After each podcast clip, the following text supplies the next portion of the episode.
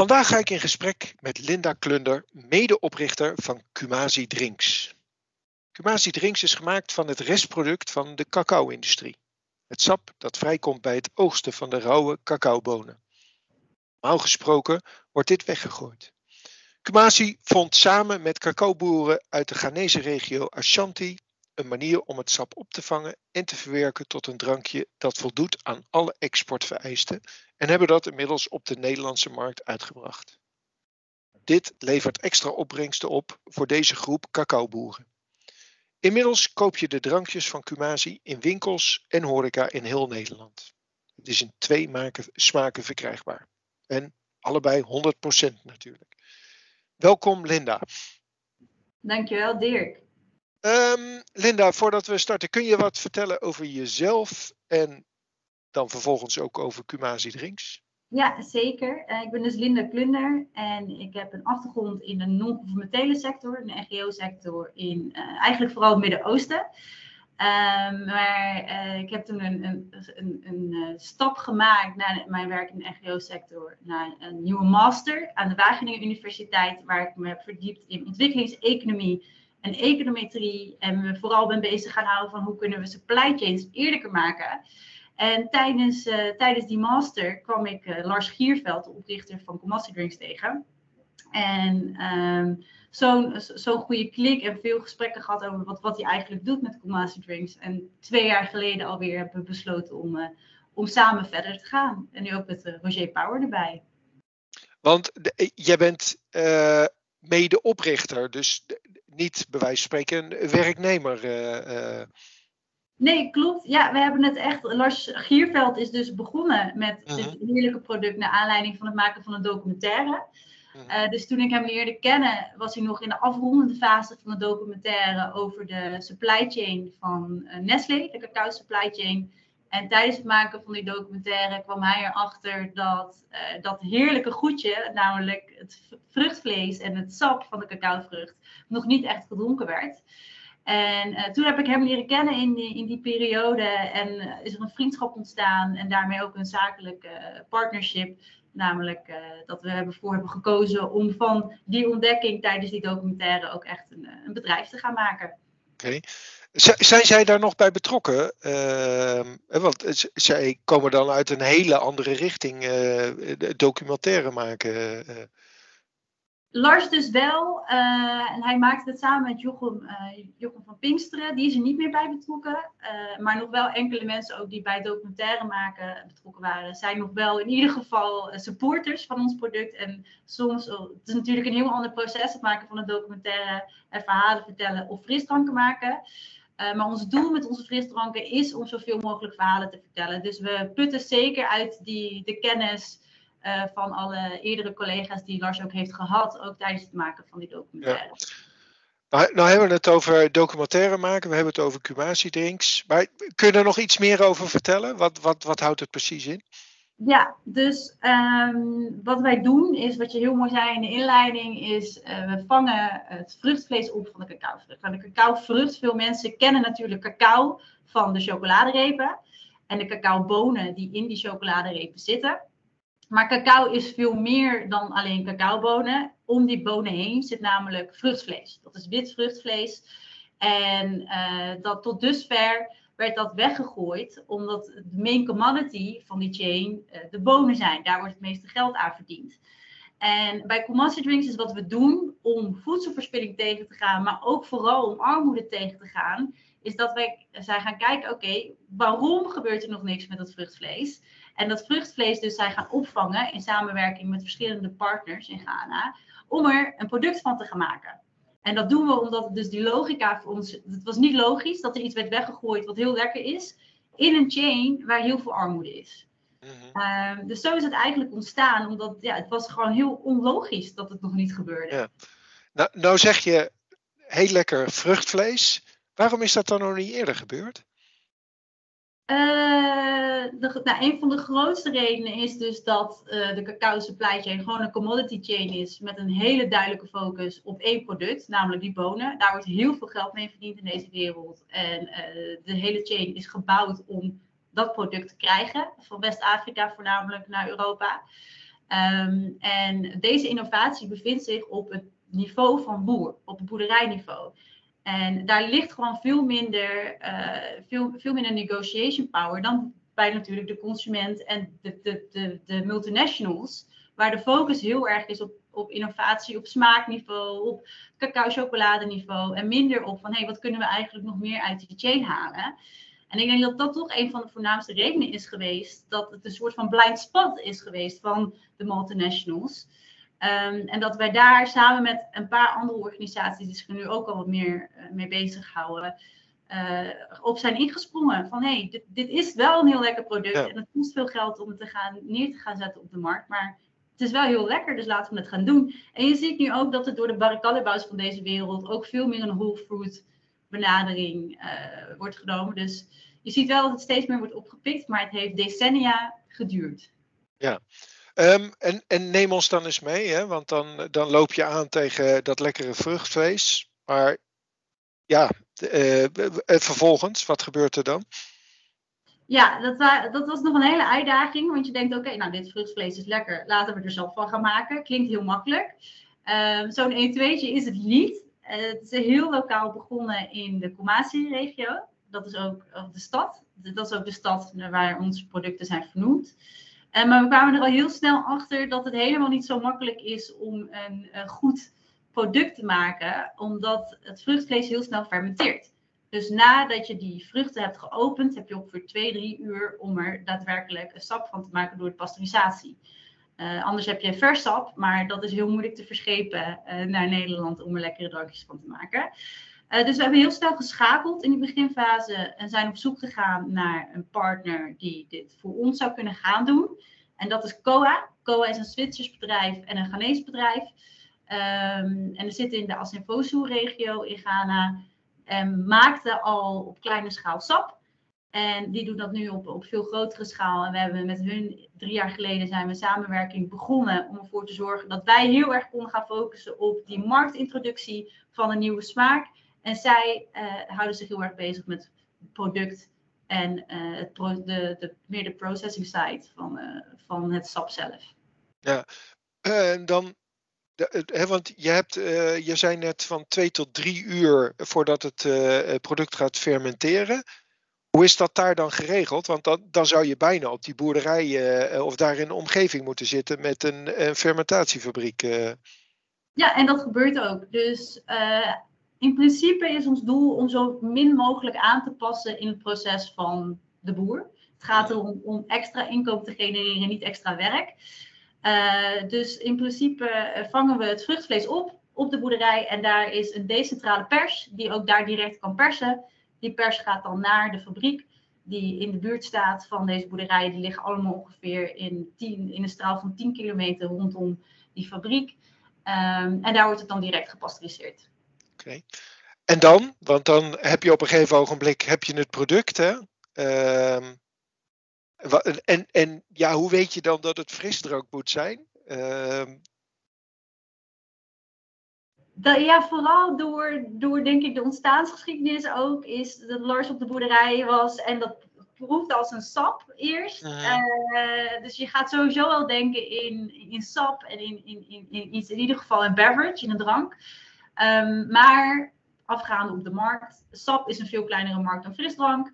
Uh, vinden we ook minder hip. En we willen heel graag een tof merk zijn. En uh, daarom dachten we, waarom, waarom denken we alleen maar in sap? Op een gegeven moment waren we bezig met een marktonderzoek en gingen we ook natuurlijk tastings organiseren. En toen zeiden heel veel mensen, waarom zit er eigenlijk geen prik in? En toen zijn we gaan nadenken van ja, eigenlijk heel simpel. We doen een sappie zonder prik en een gassie met prik. Hebben we meteen twee producten. Ja. Um, en spelen we ook in op een veel grotere markt dan alleen de sappenmarkt. Ja. Sorry. um, en vervolgens, uh, dan heb je dat product, heb je dat hier in Nederland. Wat, wat, hoe vermarkt je dat dan? Uh, dat was uh, de grootste uitdaging, maar ook de reden waarom we dit wouden gaan doen natuurlijk. Dus we zijn gaan samenwerken met een marketingbureau, Friends for Brands. -huh. En eerst gaan nadenken over wat willen we gaan uitstralen. En daar is eigenlijk in een hele korte tijd, we hebben een paar lange sessies gehad. En in een week hadden we de brand image die je nu ziet van Kumasi. wat een beetje African funk inspired is. Um, en het is ons doel, de kern van Kumasi is impact maken, maar we willen niet per se een fair trade worden. We willen niet daarmee heel erg te koop lopen van hé, hey, dit is een goed product. We willen vooral dat het uitstraalt dat het een leuk en tof en funky product is voor jou als consument. En als je er dan interesse hebt om er dieper op in te gaan, dan leer je ook over wat we doen en waar we voor staan. En het staat natuurlijk op het flesje, maar het is niet het allereerste. We willen je vooral op het schap willen we je, inspireren om dit flesje te pakken. Dat is natuurlijk het allerbelangrijkste. En daarna heb je de kans om, uh, om daar verder op in te gaan. We zijn altijd een beetje van de 3, 30, 300 seconden regel uitgegaan. De eerste drie seconden willen we je pakken. Als je dan gaat iets verder kijkt en 30 seconden neemt, zie je dat we uh, met voedselverspilling bezighouden. is natuurlijk een heel populair onderwerp momenteel. En als je dan die 300 seconden neemt, zie je dat we daarmee ook extra inkomen genereren voor boeren. En daarnaast ook veel community projecten doen. Ja. En, en waar zijn jullie dan te, te vinden op dit moment? Momenteel zijn de, de grotere plekken waar je ons kan vinden Gorilla's. Daar heb je laatst ook uh, een gesprek mee gehad natuurlijk. Uh, dus binnen 10 minuten uh, om en nabij kan je je commassie hebben. En bij de Anne en Maxe en Stag bijvoorbeeld. We liggen nu mm -hmm. 300 plekken. Maar dat zijn wel de wat bekendere namen. En we hopen dit jaar in de big retail te komen hopen. Dus jullie zijn nu in gesprek met, uh, met verschillende retailers uh, daarover. Ja, ja. Dat... Nou, is dat, nou begrijp ik, jullie hebben een verhaal. Um, maar ik heb uh, begin van dit jaar ook iemand anders gesproken met een goed verhaal. maar het blijkt toch heel lastig te zijn om bij die retail binnen te komen. Wat zijn, zijn jouw ervaringen erbij? Um, voor ons, wat wij merken, is dat we hebben natuurlijk een goed verhaal, maar we hebben dat ook al. Ja, we hebben een documentaire gehad op televisie. We zijn heel veel in de media geweest de afgelopen tijd. En daardoor weten retail ons ook te vinden. Um, dus de gesprekken krijgen uh, is voor ons uh, niet, eh, niet, heel moeilijk gebleken het afgelopen jaar. Uh, maar natuurlijk, we liggen er nog niet. Dus eh, we moeten er ook nog uitkomen met z'n allen. Maar de gesprekken krijgen zowel bij de, de, de horecagelegenheden als het nu bij de retail gaat vrij gemakkelijk. Dat begrijp ik. En dan kan ik me bij de horeca kan ik me voorstellen, oké, je, zit op een aantal locaties, zijn beperkte hoeveelheden. Als je straks echt in het retailschap komt, dan zul je ook in bulk moeten kunnen leveren. Zijn jullie daar klaar voor? Ja, ja, daar zijn we zeker klaar voor. En dat komt dus door die samenwerking die we hebben in Ghana uh, met die productiepartner. Waardoor we op grote schaal kunnen produceren. Dus dat, uh, dat gaat zeker goed komen. Ja. Nou, ben je bezig met de start van een bedrijf en dan krijg je ineens corona over je heen. Wat, wat betekent dat uh, voor jullie als organisatie? Of wat heeft dat betekend? Ja, heel veel. Um, we zijn officieel gelanceerd op de markt in januari 2021. Dus we, zijn, uh, nou, we hebben net onze eerste verjaardag gehad. Um, en het is natuurlijk een beetje van lockdown in lockdown gerold. Um, en dat betekent voor een frisdrankbedrijf dat veel van je locaties gewoon dicht gaan. Omdat we bij veel horecagelegenheden uh, liggen. Um, dus dat is omdenken. Zij gaan kijken, oké, wat kunnen we nog wel doen? Wat kunnen we doen met online sales? Uh, en hoe, hoe kunnen we voorsorteren op het moment dat het wel weer open gaat? En een van de keuzes die we dan hebben gemaakt ook is dat we eerder toch serieus zijn gaan kijken naar gesprekken met, met grotere retailers. Um, omdat die wel open mogen blijven. En er is natuurlijk een kans dat we in een lockdown maatschappij blijven leven. Ik hoop het echt niet. Maar we moeten er wel op voorsorteren. Uh, dus uh, ja, je maakt strategische je maakt aanpassingen in je strategie. Um, maar ja, leuk is anders. We hadden echt uitgekeken naar een jaar ook met festivals, waar onze kleuren het natuurlijk heel goed zouden doen. Uh, in hele leuke tentjes en naar cocktails. Uh, die je kan uitschenken op zulke, op zulke mooie festivals. Uh, maar dat, dat is helaas heel anders gelopen. Ja, en, en als organisatie zelf, want ik, ik kan me voorstellen dat ehm, jullie zijn jong, dat betekent dat je uh, met een jong team start. Hoe krijg, je, hoe krijg je die mensen dan toch allemaal de goede richting op? Uh... Uh, we werken allemaal voor hetzelfde doel, namelijk impact maken. En daarmee hebben we allemaal onze eigen persoonlijke uh, passies. En voor mij ligt dat dus heel erg op impact kwantificeren en dat, dat op een toffe manier visualiseren naar, naar klanten toe en vooral consumenten. Voor Lars ligt dat heel erg in het vertellen van het verhaal en voor Roger in het verkopen van die impact. En we houden ons wat dat betreft binnen Commassie gewoon bezig met wat we het allerliefste doen. Dus um, daar komen uitdagingen bij kijken. Misschien is corona wat grotere uitdaging dan de gemiddelde uitdaging voor, uh, voor startende ondernemers. Maar we zitten allemaal in hetzelfde schuitje met heel veel andere ondernemers en ook met al onze horecaklanten. En we putten gewoon heel veel kracht en ook uh, nou ja, passie uit dat we met z'n allen wel naar datzelfde doel aan het toewerken zijn. En dat onze drankjes wel heel erg goed bevallen en mensen het heel lekker vinden. En daar doen we het uiteindelijk voor. Dus ja, je moet jezelf uiteraard gemotiveerd houden, maar met zo'n mooi product als met Commassie is dat niet heel moeilijk. Nee. Dat kan ik maar aan één kant eh, kan, eh, kan ik me voorstellen. Toch denk ik, hè, want het is een hele grote markt met een aantal hele grote spelers. Hoe vallen jullie, hoe vallen jullie dan op? Hoe zorg je dat je, dat je bekend wordt? Ja, klopt. Um, het is een super competitieve markt dat hebben we ook altijd te horen gekregen van mogelijke investeerders met wie we om tafel zitten. Van oké, uh, good luck uh, in, in, in, het op het frisdrankenschap. Maar we merken toch dat uh, we ten eerste zijn een meaningful product. Namelijk we stralen happiness uit, funkiness. En we hebben ook nog eens impact. we zijn heel anders, dus different. we hebben een andere smaak. We zijn het allereerste cacao frisdrank op de Nederlandse markt. Er is nu één andere ook, uh, maar die focust zich echt op de sappen, sappenmarkt. En daarmee is het natuurlijk een, een heel differentiërend product. Eh, differentiëren we ons echt van andere producten. En dat is heel belangrijk op het frisdrankenschap. Um, en dan heb je ook nog het geluk dat cacao wel een positief gevoel opwekt bij mensen. Mensen zijn heel erg geïnteresseerd, dat merken we heel erg. En we doen veel met PR. Dus we zorgen er gewoon voor dat ons verhaal veel naar voren komt, waardoor we ook uh, die rotaties draaien. Um, en uh, ja, gewoon echt een snel groeiend merk zijn. Maar je hebt helemaal gelijk uh, dat frisdranken, het is, het is, heel competitief. En ik ben ook heel benieuwd hoe dat zo meteen zou gaan op, op de schappen van een grotere supermarkt. Ja. Um, vertel eens iets meer over dat laatste. Hè? Want ik kan me voorstellen dat het, juist heel belangrijk is om jullie verhaal te kunnen vertellen. Hoe doen jullie dat? Um, verschillende manieren. Uh, ten eerste hebben we uh, dus meerdere keren een documentaire over de cacao-industrie op tv gehad. Mm Daarnaast op RTL Z. Daarnaast hebben we nog wat meer inhoudelijke dailies gemaakt. Dus kortere afleveringen over de cacao-industrie. En dan vooral onderwerpen waar wij ons mee bezighouden. Denk aan women's empowerment, child labor en income differentiation.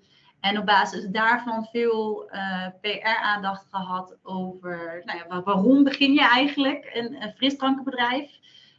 Um, maar ook hoe eh, breng je dat verhaal aan de man.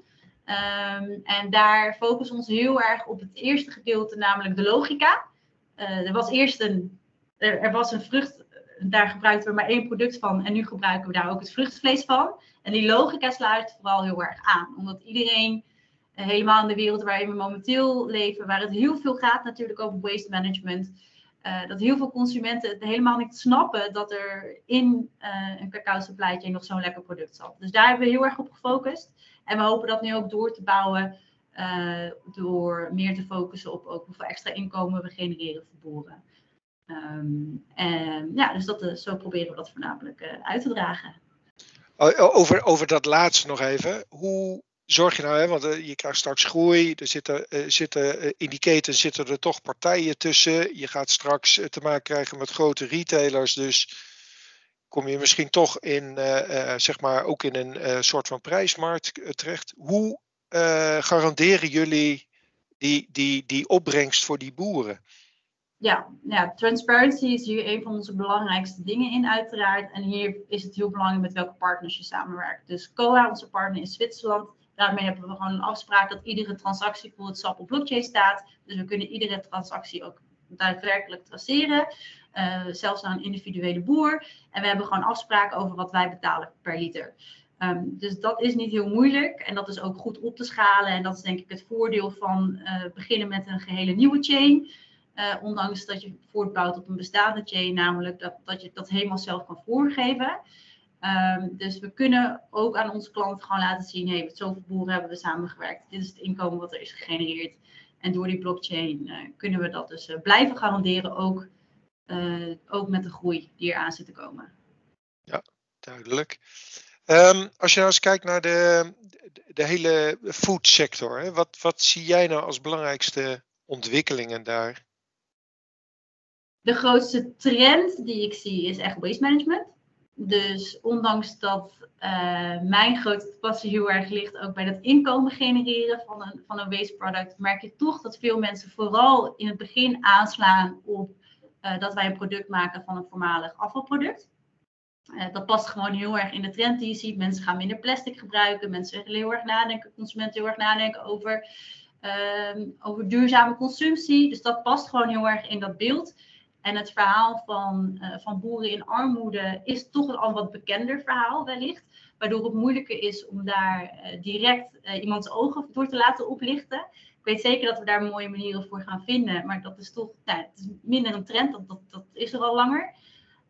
Um, dus dat zie ik echt als de grootste, grootste trend die, die eigenlijk in op ieder schap ook, ook, ook, ook nu ziet. En zelfs op het niveau van, van de retail, bijvoorbeeld met Pieterpot, die uh, ervoor zorgt dat je al je boodschappen zonder verpakking kan kopen.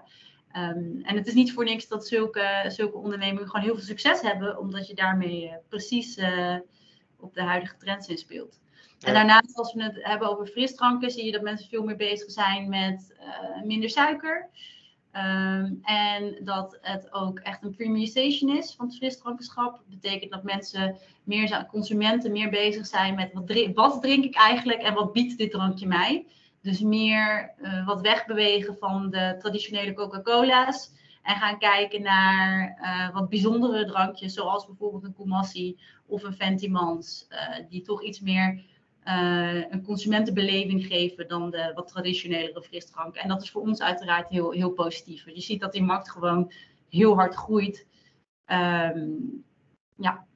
Ja. Nou, als ik zo met jou praat, denk ik van, oh goh, dit, dit, dit is zo'n herkenbaar verhaal. Hè? Als ik bijvoorbeeld met, met een yoghurtbarn spreek, uh, Tony Chocoloni, ik denk, er zitten zo, uh, Too Good To Go, er zitten zoveel overlappen, zoveel parallellen in. Laten jullie wel uh, je inspireren door andere merken en welke dan? Ja, heel erg. Um, er zijn natuurlijk prachtige voorbeelden van, van, van uh, impactmerken op dit moment. En ik, ik zeg wel eens, ik zou heel graag de Tony Chocoloni van het frisdrankenschap willen worden. Waarbij we gewoon een range aan producten hebben die allemaal gemaakt zijn van previous waste products. En dat je weet, als ik een Koumassi drink, dan drink ik goed.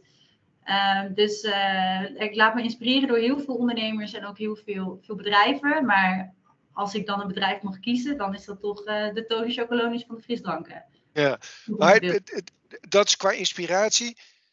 Heb je ook wel eens contact met ze dan om, om ervaringen uit te, de, uit te wisselen? Ja, veel, of relatief veel. Um, door ook verschillende platforms natuurlijk. Uh, is er best wel wat contact uh, tussen uh, verschillende impactorganisaties en impactondernemingen. Ook Social Enterprise NL, die organiseert zulke, zulke inspiratiesessies natuurlijk. Um, dus ja, je leert heel veel van elkaar op dat gebied. En ook ja, heel veel ondernemers hebben met dezelfde uitdagingen te maken. En nu, nu is waar Comassi zit natuurlijk wel echt een heel ander vlak dan waar Tony Chocoloni op dit moment zit. Maar uh, voor mijzelf zijn uh, Pieter Pot en Falafel en uh, de, zulke organisaties, wat kleinere start-ups, nou, dan kan Pieter Pot er bijna niet meer toe rekenen, dus ben je echt een skill-up geworden.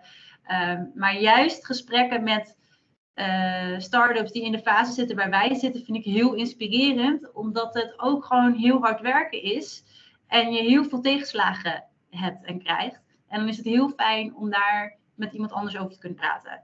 Uh, omdat het soms ook best wel alleen voelt. Als, ja. uh, als kleine start-up. Omdat je toch heel erg aan het pushen en schreeuwen bent voor, voor verandering en om een nieuw product neer te zetten. En um, ja, die grotere organisaties hebben dan al echt een naam gebouwd. En daar zijn wij nog heel hard aan het werk. Dus dan is het wel fijn om soms gesprekken aan te kunnen gaan met andere start-ups die ook ja, die, die tegen dezelfde dingen aanlopen als waar wij tegen aanlopen. Um, daar is over, daarover gesproken. Hè? Je, je hebt over tegenslagen natuurlijk. Daar loopt elk bedrijf tegenaan. Noem eens zo'n tegenslag en, en hoe hebben jullie dat opgelost? Uh, nou, naast de lockdowns, waar we het natuurlijk al eerder over hebben gehad, uh, zijn tegenslagen waar je, tegen, waar, je, ja, waar je tegen aanloopt. Ook bijvoorbeeld uh, prijsstijgingen door inflatie op dit moment. Dus dan moet je toch anders gaan nadenken. Houden we het bij dit format? Houden het bij deze grote flesjes? Het, het klinkt heel, uh, heel saai, maar dat zijn toch de, de, de, de, dagelijkse realiteiten waar je als bedrijf tegen aanloopt in, uh, in deze huidige crisis, maar ook de huidige de wereld waarin we leven. Um, of dat grote klanten waar je heel graag zou willen liggen nee zeggen. Nou, dat is toch altijd even moeilijk en zuur, omdat wij heel erg geloven in ons eigen product. En als iemand het dan minder lekker vindt of toch niet in, in zijn of haar tenten wil leggen, dan is dat altijd een, een, tegenvaller. Maar daar halen we ook weer heel veel feedback en inspiratie uit. Dus ik denk voor ons het belangrijkste is dat we altijd blijven openstaan voor feedback. En we geloven in ons eigen product, maar we willen het ook beter maken. Dus daarom zijn we ook op basis van, van feedback van bijvoorbeeld investeerders uh, als je het hebt over, over tegenslagen, wij begonnen met investeerdersgesprekken in nou, een beetje januari 2021, toen we ook lanceerden. Uh, nou, dat was natuurlijk dubbel moeilijk, want we hadden nog geen omzet en het was een coronacrisis. Uh, maar dat waren uiteindelijk wel hele waardevolle gesprekken, omdat we gewoon heel, goed, heel veel goede feedback kregen uit de industrie zelf. En wij komen alle drie niet uit de frisdrankindustrie. Dus de input die we van die gesprekken krijgen is zo immens waardevol gebleken. Um, en ik denk dat je als ondernemer altijd open moet blijven staan voor die feedback om je product ook daadwerkelijk beter te maken. Uh, en op basis van die gesprekken hebben we bijvoorbeeld ook gekozen om ook een functionaliteit toe te voegen aan onze drankjes. Om ervoor te zorgen dat we dus niet alleen dat impactverhaal hebben, maar ook echt nog iets extra's na die naast die smaakdifferentiatie ook nog iets extra's bieden. En dat is vitamine D. Um, dus wij worden het allereerste drankje uh, op de Europese markt met vitamine D uh, in het glasie. Dus dan worden we niet alleen een lekker drankje in je glasie, maar ook je zon in het glasie. En dat is wel iets waar, waar we door, door feedback van investeerders echt op zijn gekomen ook. Voegen jullie dat toe of zit dat zelf al in het product? En is dat een, een ja, vorm van marketing die je dan moet doen? Nee, dit gaan we wel toevoegen. Um, een van de redenen ook hiervoor is, is dat we ook zien, nou, we hebben natuurlijk een hele zomerse uitstraling, maar daarom zijn we ook een heel uh, seizoensgebonden product. En we willen er uiteraard voor zorgen dat we ook in de herfst en winter uh, mooie rotaties blijven draaien. Uh, en we hopen dat, dat in, onder andere een van deze aanpassingen voor gaat zorgen dat, dat ook die rotaties oppikken. Duidelijk. Um, ik was even benieuwd, wat, hoe hebben jullie ja, wat is jullie prijsbeleid?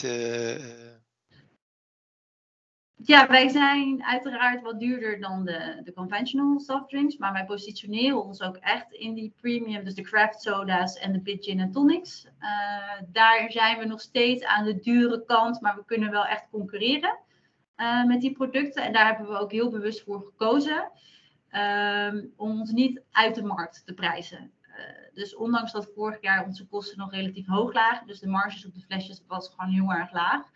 Um, maar we hebben er toch echt voor gekozen om wel een competitieve prijs neer te zetten, zodat we uh, goed, goed verkrijgbaar zouden zijn door heel Nederland heen. Nou, dat is heel goed gelukt met 300 plekken. En nu kunnen we, doordat we naar nieuwe staffels gaan, dus dat we hogere producties gaan draaien, ook voor onszelf leuke marges gaan draaien. Uh, maar dat was wel echt een bewuste keuze die we hebben genomen vorig jaar om ervoor te zorgen dat onze price strategy, met onze price strategy, dat we wel uh, nou, een beetje leuk konden meedraaien met de andere premium soda's. Ja, duidelijk. Um, je gaf het in het begin al aan, jullie verkopen, of tenminste willen gaan verkopen aan de retail. Jullie verkopen nu aan de out-of-home markt. Jullie hebben volgens mij ook een eigen webshop, hè? Ja, klopt. Is dat, is dat bewust? Hou je dat vol? Uh, uh, en hoe, hoe loopt zo'n webshop dan? Mm, het is zeker bewust. Uh, ook natuurlijk door de coronacrisis dat we dat, dat zijn gaan nadenken. Nou, we moeten in ieder geval ook online beschikbaar zijn. Want mensen moeten wel commassie kunnen drinken, ook als alle horecagelegenheden dicht zijn. Uh, en we merken dat vooral de webshop heel goed loopt op momenten dat we veel in de media zijn geweest. Dan pikt dat echt heel erg op. En op dit moment uh, is zo'n 15, 15% van alle omzet die wij draaien, komt uit die webshop. Dus het is wel een substantieel bedrag. Zeker. Uh, en we zijn dan ook heel blij mee. maar we denken ook dat het, dat het nog veel beter kan. Dus we zullen ook veel met online marketingcampagnes gaan werken. En marketingcampagnes ook in het algemeen natuurlijk om nog, nog meer traffic op de, de website te krijgen. Ook juist door te verkopen, want ik kan me voorstellen dat het natuurlijk een relatief duur kanaal is. Uh, ik nodig luisteraars aan om op jullie website te kijken, want jullie verhaal staat daar natuurlijk heel duidelijk aangegeven. Maar dat zou ik me meer als, als marketinginstrument kunnen voorstellen. Hoe zie jij dat naar de toekomst toe? Ja, Klopt. Ja, naar de toekomst toe, ook op hoe meer, uiteraard op hoe meer locaties door Nederland we verkrijgbaar zijn, hoe groter de kans dat mensen het niet meer online gaan kopen.